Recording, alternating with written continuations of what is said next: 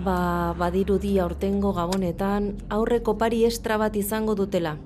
Txertoa. Horren ostean, ea nork jartzen dien ikatza. Gabon egunak direla kontuan izan da. Erreztasunak eman beharko dizkiegu. Lehenengo, errege opil tailerra. Gero, gabon kanten kontzertua.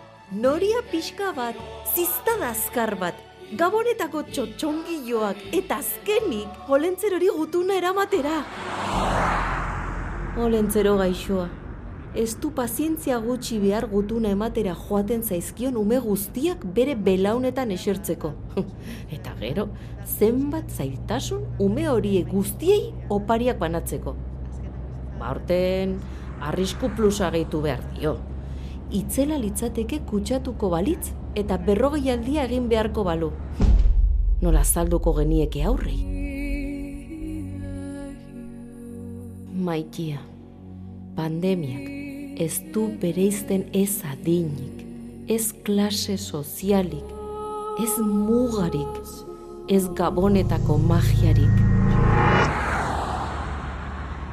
Hoxe ba, olentzer izatea ez da hontzaren gauerdiko ez dula. Eta aurten benetako erronka bilakatu da. Kutsatzeko arriskuari gehitu izkiozu garraioaren kaosa eta atzerapenak. Oraindik, Black Fridayko erasketen zainago eta badirudi kontua luzerako doala. Arazo logistikoak ja. Azaldu iezu umei, gabonetako magia ez dela arazo logistikoak gainditzeko bezain ahaltsua. Gehiagizkoa litzateke.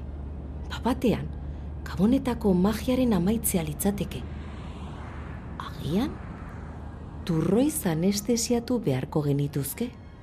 Ze turroia bai, urtero urtero itzultzen da gabonetan.